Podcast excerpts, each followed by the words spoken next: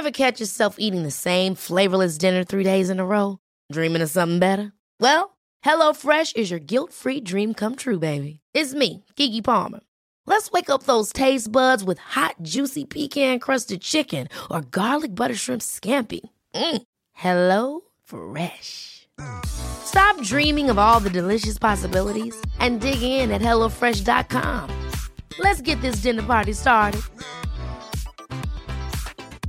Hey, it's Ryan Reynolds, and I'm here with Keith, co star of my upcoming film, If, only in theaters, May 17th. Do you want to tell people the big news? All right, I'll do it. Sign up now and you'll get unlimited for $15 a month and six months of Paramount Plus Essential Plan on us. Mintmobile.com slash switch. Upfront payment of $45 equivalent to $15 per month. Unlimited over 40 gigabytes per month. Face lower speeds. Videos at 480p. Active Mint customers by 531.24 get six months of Paramount Plus Essential Plan. Auto renews after six months. Offer ends May 31st, 2024. Separate Paramount Plus registration required. Terms and conditions apply if rated PG. Quality sleep is essential. That's why the Sleep Number Smart Bed is designed for your ever evolving sleep needs. Need a bed that's firmer or softer on either side? Helps you sleep at a comfortable temperature? Sleep Number Smart Beds let you individualize your comfort so you sleep better together. JD Power ranks Sleep Number number 1 in customer satisfaction with mattresses purchased in-store. And now, save 50% on the Sleep Number limited edition Smart Bed for a limited time. For JD Power 2023 award information, visit jdpower.com/awards. Only at a Sleep Number store or sleepnumber.com. I can discuss some of the psychological aspects of the case. You've got to get a hold of yourself. Now look here, Johnson, I'm going to get to the bottom of this. I can discuss some of the psychological aspects of the case. And you're really crazy, you know that? Oh, yes, I remember that. Is this any concern of yours? Er psykolog Sondre Livre her. Diagnosen er dessverre svært alvorlig. Det viser seg at alt du tenker og føler er feil. Du må for all del ikke stole på hjernen din, den lyver. Alt du opplever er filtrert via nevroser fra ubevisste avkroker.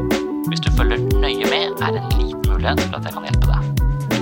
I'm can discuss some of the I can discuss some of the I can discuss some of the psychological aspects of the case. Well, I'm just losing my mind, that's all.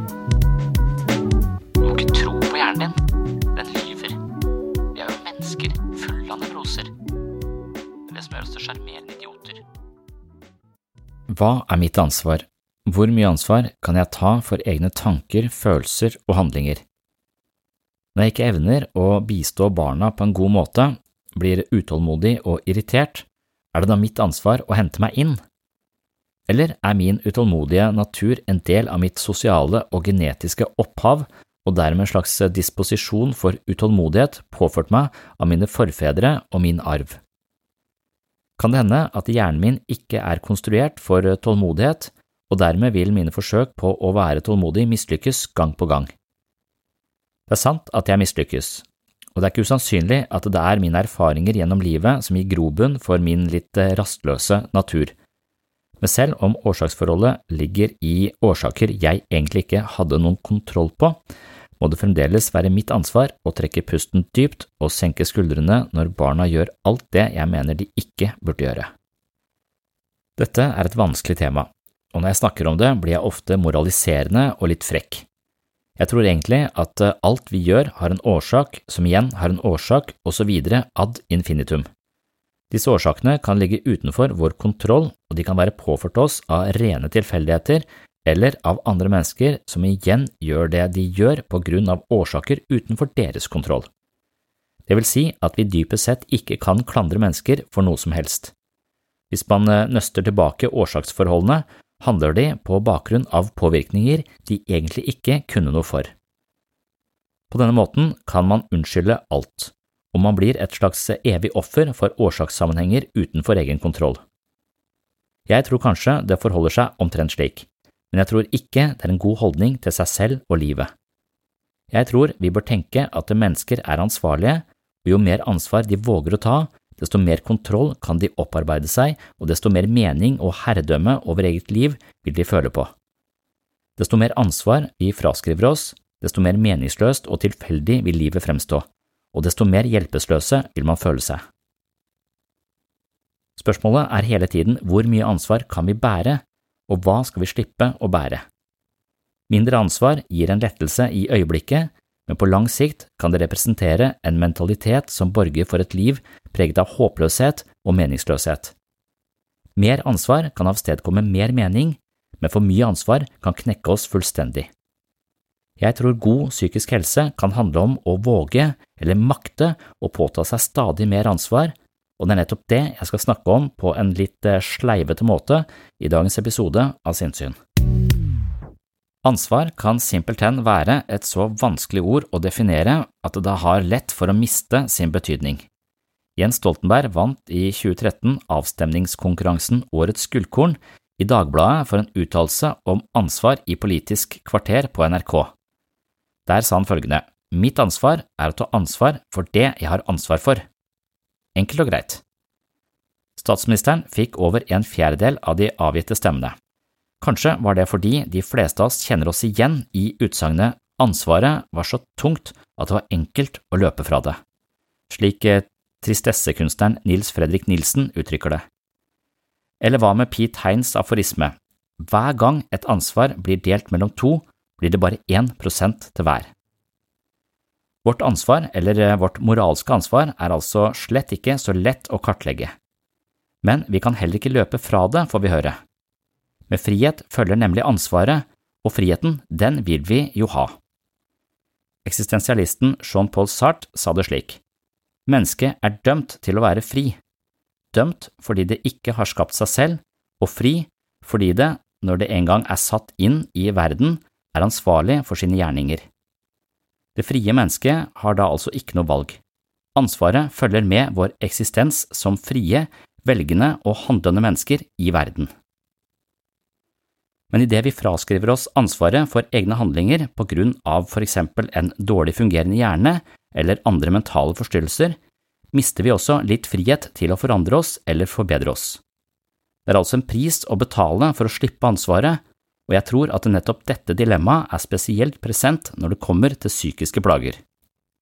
I dagens episode er jeg i overkant moraliserende og frekk for å statuere et poeng jeg mener er viktig. Hvis du hører dette og tenker at jeg klandrer deg for en ulykke som er påført deg fra andre, er det ikke meningen å klandre deg.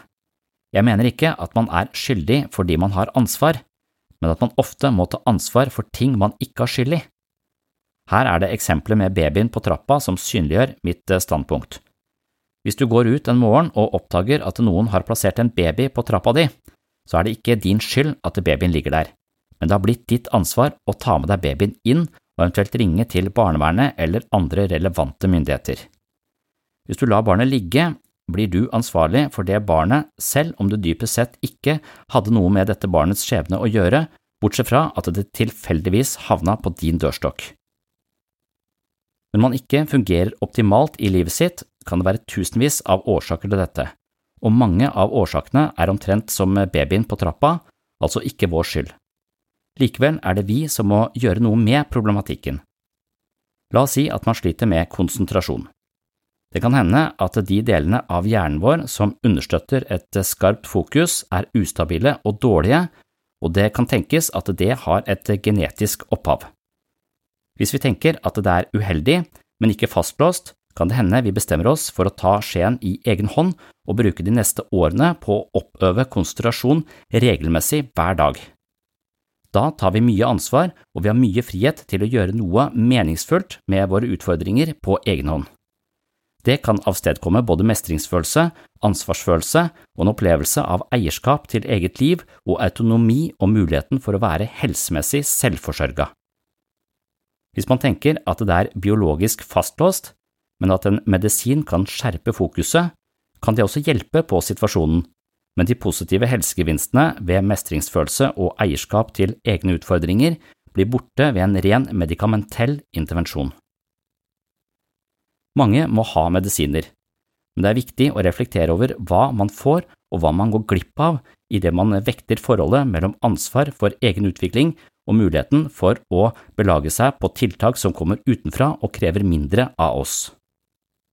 Hvis man legger for mye ansvar på individet for egen utvikling, risikerer man at mennesket føler seg kronisk mislykka hvis de ikke makter å bære oppgaven. Hvis man forklarer menneskets utfordringer ved å erklære at individet er et offer for ytre omstendigheter, risikerer man å frarøve mennesker eierskap til egen helse, muligheten for å gjøre noe med problemet, samt installere en følelse av håpløshet og hjelpeløshet. Begge deler er veldig uheldig, og derfor bør vi reflektere over dette dilemmaet hver gang vi befinner oss i en vanskelig livssituasjon, enten det dreier seg om fysiske eller psykiske vanskeligheter. Det er også viktig som behandlere å reflektere over denne vektskålen som må balanseres med riktig dosering av ansvar, sånn at folk får friheten til å forandre seg, men heller ikke så mye ansvar at de brekker ryggen i eh, denne prosessen.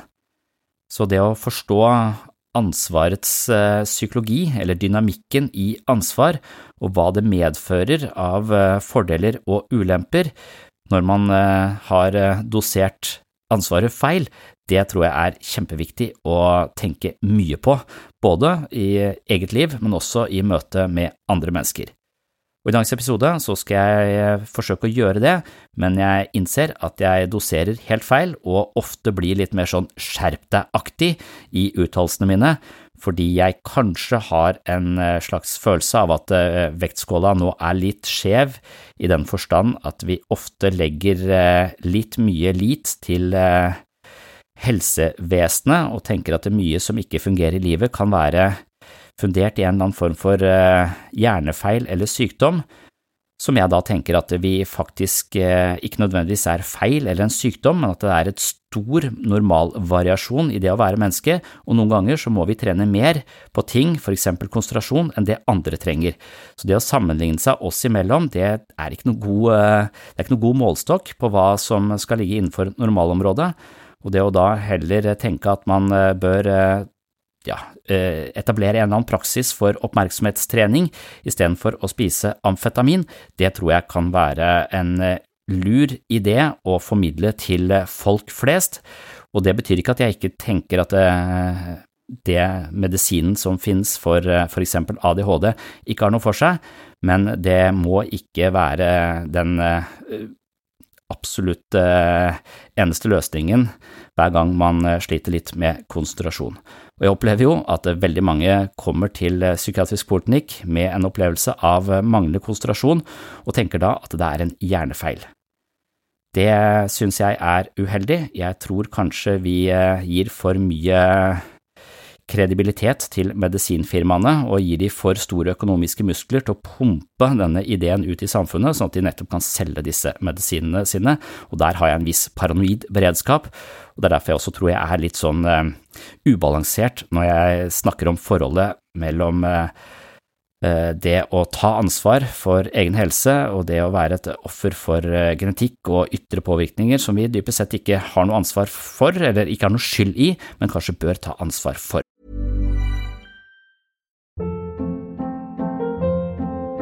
Hold up. What was that? Boring. No flavor. That was as bad as those leftovers you ate all week. Kiki Palmer here, and it's time to say hello to something fresh and guilt-free. Hello Fresh. Jazz up dinner with pecan-crusted chicken or garlic butter shrimp scampi. Now that's music to my mouth. Hello Fresh. Let's get this dinner party started. Discover all the delicious possibilities at hellofresh.com.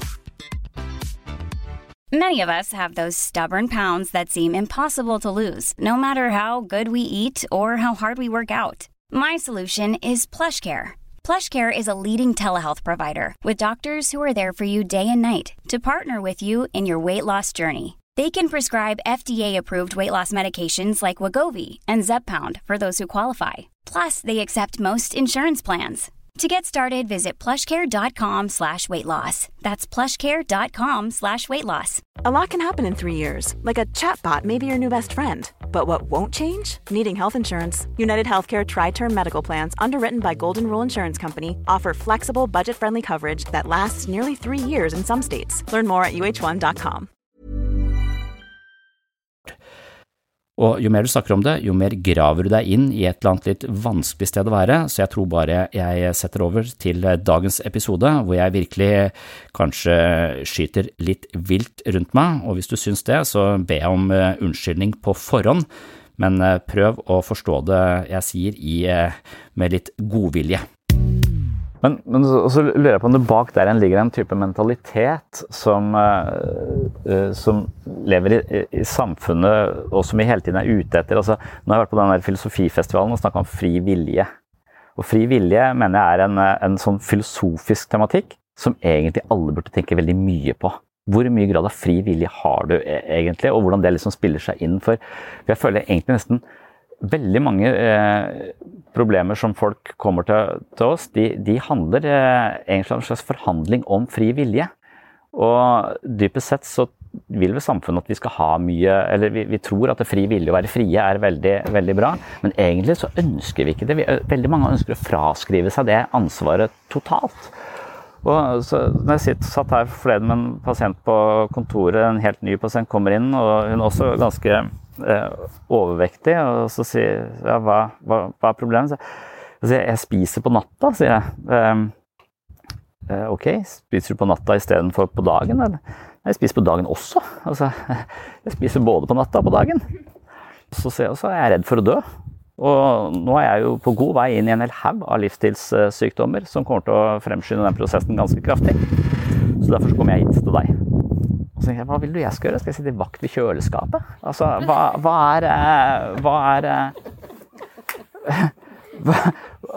Hvis jeg blir sittende foran kjøleskapet, så kommer jeg til å spise opp det som er inni der. Jeg, jeg har ikke noe spesielt god impulskontroll. Så sa jeg, Du har ikke noe fri vilje du heller? Nei, egentlig ikke. Jeg prøver å sove på natta for å unngå å spise. Så pleier jeg å glemme å ta meg en niste på dagen, sånn at jeg ikke spiser i løpet av Og så spiser jeg noe sykt til, til middag. Eh, men, men, det er jo en sånn type Har vi, og, har vi en, en kan vi stå ansvarlige for, eh, for livsførselen vår. Og så opplever jeg nok at det mange eh, for Kanskje et samfunn som har en veldig høy standard til hva som er normalt, eller, eller, eller, hva som skal være godt nok, og at alt som ikke kommer opp til den standarden, skal få en eller annen diagnose. Så alt det som ikke er helt etter boka, det blir Altså, det er en bok som heter 'When Shyness Became an Illness'. altså på, det var I 82 så ville medisinfirmaene gjerne ha inn flere diagnoser i DSM-4, var det da, og, og, det fikk de. og Da gjorde de det å være sjenert, som er en normal uh, variasjon i befolkningen, om til sosialangst. Og så har man noe mer å, å jobbe med. Så, så, vi gir det sånne skjermer som er uh, sykdom, og, er som, og, så tror jeg folk tenker at det, ja, men det er jo syk. Og, og på poliklinikken nå så drukner vi i henvisninger om ADHD. Og, det, er, så sjukt mye merkelige beskrivelser om hvorfor folk mener de har ADHD. Og så er det en, en fyr som satt fast ja, jeg, jeg kjøper mat, og så setter jeg melka foran, og så glemmer jeg tomatene som ligger bak der. Så jeg glemmer at, hva jeg har kjøpt. Det er en beskrivelse av et hverdagsliv. Og så kan det være ADHD. Nei, det er ikke ADHD! Det er jævla vanlig! Og så har du ikke hatt mugne tomater, så er det, da, da er du og, og, det er så mange sånn ja, det var en dame som, som, som kom inn, mente hun skulle ha ADHD, for hun, hun syntes det er vanskelig å holde kontakt med venner i andre byer. Jeg klarer ikke å holde kontakt med kona, vi bor under samme tak! Det er, det er, det er uh... På spørsmålet er lagt cutoff for hva som er sykt, så lavt nå at uh, hvis Altså, jeg tror hvis ikke du har en diagnose, så er det bare ikke godt nok utreda i psykisk helse. Altså, bare du utredes nok, så kommer du til å få en diagnose. Altså, det, er, det er helt umulig å ikke, ikke, få det. Så det er bare å fortsette til, til, man, til, man, til man, finner det. Men, det så, så, på et slags uh, samfunnsnivå også. Men at vi da også ikke ønsker det ansvaret det er ved å ja, ta ansvar for, for ting. For fortsatt ADHD-greiene, så er, var det en dame nå som, som kom til meg og sa at henvist for ADHD, og hun, hennes problem er at hun av og til var frekk mot kollegaer. Kan det være ADHD? Altså, eller er du bare frekk? Altså, og, sier, og så sier ja, hva er det du Jeg skjeller meg av og til ut etter noter, sier hun. Så jeg, det kan du ikke gjøre. Nei, jeg veit jo det, men det er ikke meg, det er hjernen min.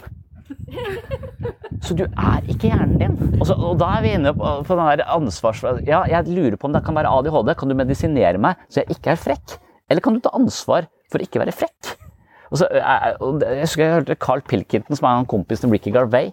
Han, han hadde sånn radioprogram før. Han, han, han lurte på er det, er det jeg som uh, styrer hjernen min, eller er det hjernen min som styrer meg?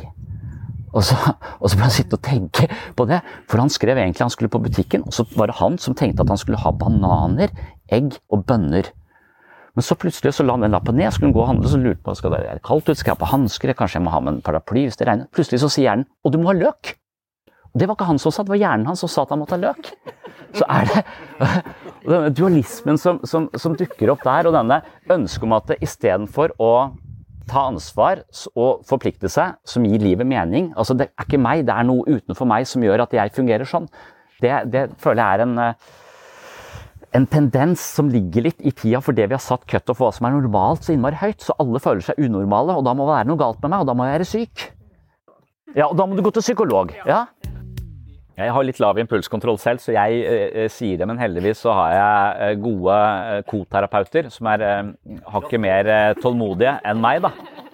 Så, eh, og, og sånn tenker jeg på terapi, at terapi handler om å vokse folk i nyrene men også respektere de og støtte de og, og forstå deres posisjon. Så det handler, om, det handler om å skape et trygt rom og føle seg akseptert for å kunne bli boksa i nyrene, sånn at du også må ta noe mer. Så, så det er den der, En god terapeut vet å veksle disse to posisjonene. da. Mens jeg fikk veldig tidlig tids, høre fra min veileder at du er best på å bokse folk i nyrene. Så gruppeterapi er et naturlig valg for deg, for da har du alltid en annen som kan, eh, som kan veie, eh, veie det opp. Så meg alene hadde bare gjort folk irritert uh, på meg. Men det er kanskje en mer aktiv følelse da, enn å ikke ha ansvar for noe. Å være, være så noen ganger så er det det som, det er ofte det som skjer i terapi, at du blir forbanna på meg, og så finner vi den løsningen på det, og så og Det er jo når, når folk skjønner at det er egentlig ingen mirakelkur. Det er ingen som kan si noe som gjør at det faller på plass inne. Jeg må ta ansvar for dette og leve på en annen måte. Og da blir livet innmari tungt. Det er mye ansvar du skal bære, men det er også mye mening du kan få. Så forpliktelse og mening hører sammen. liksom. Og ja, jeg tror ikke jeg, altså Det er så belasta akkurat det 'ta deg sammen'-uttrykket, så jeg vet ikke om jeg har sagt akkurat det. Men, men vi, vi, snakker sånn her, da, i en sånn type setting, og reflekterer rundt det, liksom. Men, men, men, jeg tror liksom det er denne, litt den medisinske modellen som har litt skylda i dette. Altså det, er vår, det, er, det er psykologenes, til dels legenes, eh, skyld i det kliniske språket, og spesielt denne vektingen av det biologiske perspektivet som så altavgjørende. Altså det er medisin som liksom står i høysetet. Det er det empiriske, det beviselige, naturvitenskapen som har fått så innmari hegemoni i forståelsen av alt. Og, og, og, på den måten så tenker jeg, la oss si du våkner midt på natta da, med hjertebank og kaldsvette, liksom. I dag så ville folk uh, tenke at uh, det må være panikkangst gå til fastlegen og enten få en henvisning til psykolog eller få en eller annen form for medisin, en eller annen form for, for, for beroligende. Hvis du hadde spurt Kirkegård om det for, uh, for over 100 år siden, så hadde nok han sagt at når du våkner på natta med hjertebank eh, og kaldsvette og er livredd, men ikke helt vet hvorfor, så er du hjemsøkt av en tjenende ånd som tvinger deg til å ransake sjelen din. Det er et eller annet med måten du lever på, et eller annet med du er utro mot verdiene dine. Det er et eller annet som, som, eh, det er et signal du skal lytte til. Det er ikke en feil i maskineriet. Det er en beskjed.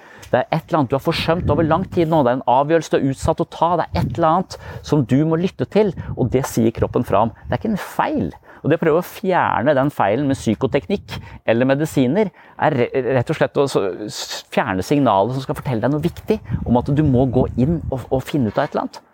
Så jeg tenker Når jeg våkner på natta med hjertebank og kaldsvette, så er, så er det ofte uh, på, på grunn av en sånn bekymring for miljøet, f.eks. Og jeg er opptatt av uh, at verden går til helvete uh, fordi vi lever og fråtser på en bedriten måte.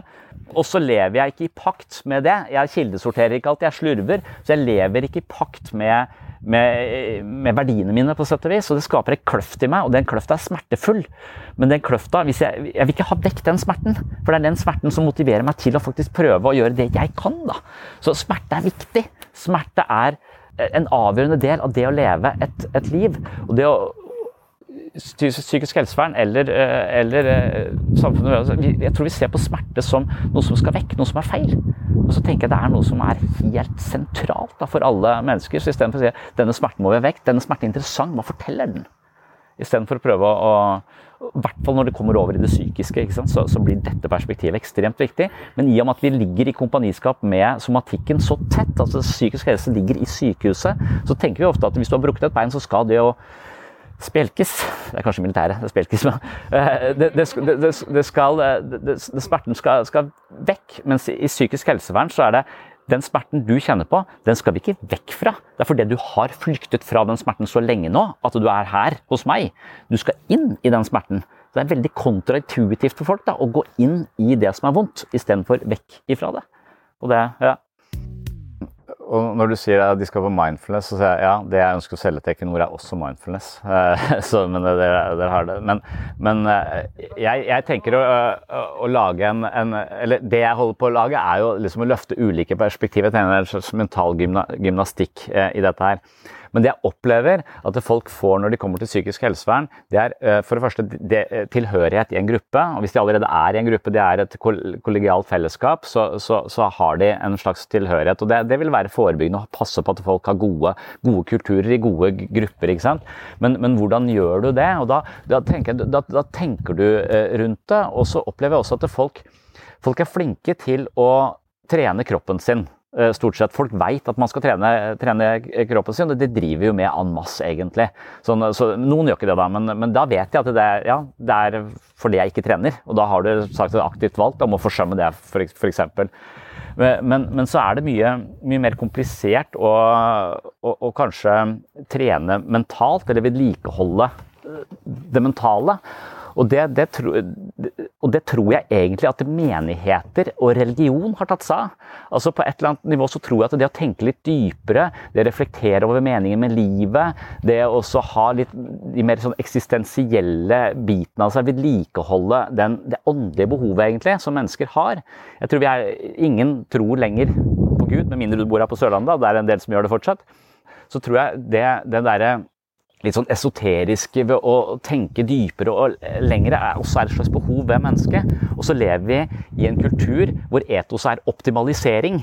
Og det er sosiale medier som er nærmest en religion som handler bare om hvor lang skal videoen min være for å få mest mulig likes. Så vi spiller bare objektspill om å få den oppmerksomheten vi, vi, vi trenger. Og der blir vi digitale nikkedukker på en eller annen måte. Så jeg tror det også er sånn, sånn jeg, jeg, tror vi trenger de dypere uh, samtalene i et fellesskap for at det fellesskapet skal uh, næres. Og det mener jeg også er veldig sånn forebyggende. Så, så jeg tenker at det, der presten ga opp, så har psykisk helse overtatt. For mange kommer til hit er så utsulta på en sånne type refleksjoner som vi bare har her nå.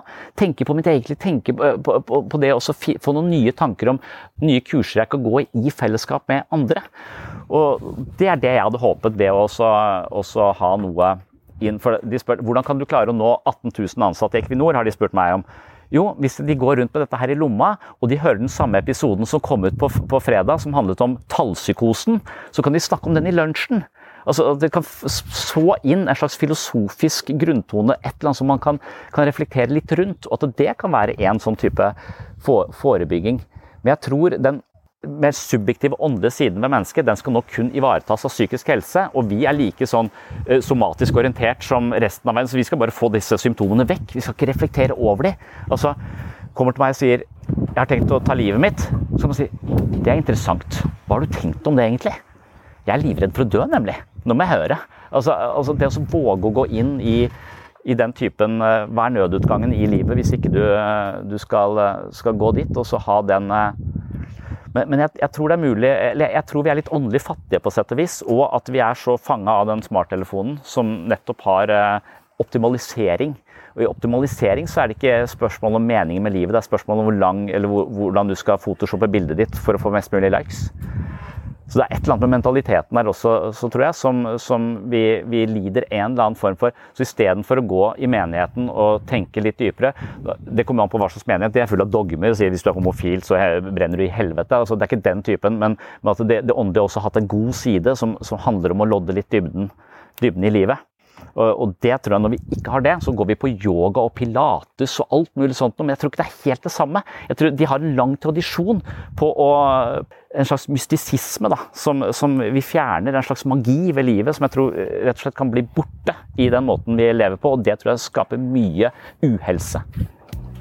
Ja, jeg skjønner. Og Jeg er litt redd for at jeg ikke gjør det. Eller så jeg har liksom holdt meg unna bedrifter. Jeg, jeg har tenkt at jeg, jeg jobber med, med mennesker eller liksom mer sånn som vi er privat, hvordan vi har det i ekteskapet og alle de, de tingene som påvirker oss. Så jeg har vært, jeg har ikke definert meg som arbeids- og på noen som helst måte. Så jeg ser det er mange som er proffe på, på det, og det var liksom det jeg sa til deg også når jeg skulle hit. Jeg, jeg tror ikke jeg kan det, for jeg er ikke noen arbeids- og organisasjonspsykolog. Da sa du ja, men jeg tror dette er fellesmenneskelig og det gjelder oss, gjelder oss alle. Så det at jeg driver med gruppeterapi så mye, det handler jo om hvordan mennesker omgås. Jeg er nok redd for at jeg ikke klarer å tilpasse det nødvendigvis arbeids, men det er det Equinor har spurt om også. Kan du tilpasse? Ja, jeg kan godt det, men jeg kan ikke late som jeg vet hvordan dere har det på jobb. eller noe sånt, og Da må dere komme og vi ha en samtale rundt den typen tematikk som dere syns er, er utfordrende. Så kan vi belyse det fra, fra ulike perspektiver. Litt sånn som en parterapeut vet jo ikke noe om noe mer om, om det. De fleste parterapeuter er jo skilt. Altså Frode Thun er skilt, Sissel Gran er skilt. Hun kan jo Hæ? Ja, så, så, så, de er ikke det men, men, de er bare det tredje øyet som har litt mer kunnskap om den typen dynamikk enn det de som sitter midt oppi det har. Så det er egentlig bare dette perspektivet utenifra. Men, men, jeg er eh, usikker. Jeg, jeg, bare tror at eh, hvis vi klarer å få et litt større språk på alt det finurlige som skjer mellom oss, som bare er en magefølelse, at vi kan gi det et språk og gjøre det til noe mer enn en magefølelse, så er det litt lettere at det kan fungere som et redskap også i konflikter, eller, eller hva det Ja, og det var det jeg hadde i denne omgang. Det var jo noe springende, kan man si. Jeg skyter litt i alle retninger, noe jeg ofte gjør på denne podkasten. Det er sånn den er eh, ment å være. Det er jo litt som Freuds eh, modell der, fri assosiasjon. Det som dukker opp i øyeblikket, det blir eh, sagt, og mye av dette har du kanskje hørt før hvis du har følt sinnssyn en periode. Og som sagt så kan jeg kanskje virke litt moraliserende i sånne type freestyle-foredrag som de her sånn, fordi jeg nettopp er litt opptatt av å harselere med litt ting, sette det litt på spissen, men det er nok ikke nødvendigvis eh, representativt for alt jeg mener om dette her. Det når jeg messer om at man må ta ansvar for eh, eget liv, så er jo det for å slags stimulere denne holdningen som sier at vi ikke er fullstendig fastlåst eh, som følge av ytre faktorer eller hjernen vår eller hjernekjemi eller genetikk. Altså hvis vi tror at vi er fastlåste, så blir vi ganske fastlåste, men hvis vi tror at vi har et slags handlingsrom innenfor visse rammer, så kan vi gjøre ganske mye, og den mentaliteten den er jeg opptatt av å fremme, og det er også den mentaliteten som eh, kan eh, være enormt verdifullt for å lykkes i livet, komme seg ut av eh, vanskelige livssituasjoner osv. Men da trenger man de riktige verktøyene, jeg er vel enig med klisjeene til Bjørn Eidsvåg, altså man kan godt få hjelp, men andre folk kan ikke gråte for oss. Altså, vi er nødt til å gjøre jobben selv, men vi kan veiledes på den, den veien og få hjelp til å tilrettelegge sånn at det er mulig å skape endring og forandring i eget liv. Men selve jobben må vi gjøre sjøl. Så det er likt forholdet mellom en personlig trener og det å faktisk trene, da. En personlig trener kan jo veilede deg til å gjøre en god innsats på helsestudio, men eh, hvis den personlige treneren begynner å løfte vektene for deg, så er det usikkert eh, om du får noe særlig ut av eh, treningsprosjektet ditt. Og sånn tenker jeg det er litt med, med, psykisk helse også. Sånn er det vel kanskje på alle områder i livet. Og det er også det jeg prøver å fremme i dette mentale helsestudio jeg har på Sinnsyn, Sinnsyns mentale helsestudio, som finnes på patron.com for sinnssyn, eller på denne appen, denne Sinnsyn-appen, hvor du da kan eh, finne metoder, mentale øvelser, lære deg nye måter å tenke på, du kan trene både yoga og fitness, og gjennom disse øvelsene kanskje langsomt ta mer eierskap til egen helse, og som jeg har sagt i mange andre episoder her, det å jobbe på flere områder samtidig, det tror jeg er ekstremt viktig. Hvis du kun går inn for å forstå deg selv med dybdepsykologi og selvransakelse, så kan du komme et visst stykke på veien, men du er nødt til å ta hensyn til de andre fasettene ved det å være et menneske, som handler om å være en del av en flokk, være en del av et meningsfullt fellesskap, ta hensyn til kroppen sin, ta hensyn til hva man spiser, kanskje lære seg å regulere følelser gjennom meditasjon og finne ro osv. Så, videre. så det å fokusere på flere områder samtidig i selvutvikling, det tror jeg er kjempeviktig, og det er nettopp det som er også grunnlaget for Sinnsyns mentale helsestudio. Så hvis ikke du har lasta ned appen allerede, så håper jeg at du vil gjøre det nå, enten da i AppStore for de som bruker iPhone, eller eh, i Google Play, som det heter, for de som bruker Android. Det var det i denne omgang. Takk for følget, og velkommen tilbake i neste episode. Oh, I'm just losing my mind, that's all.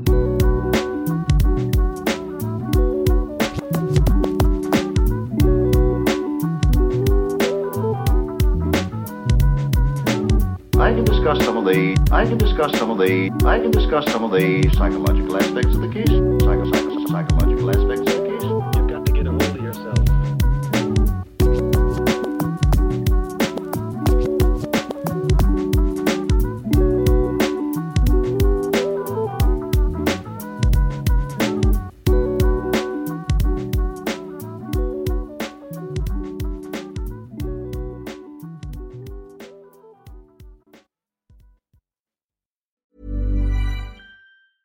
Okay, I have two new obsessions that I need to share with you.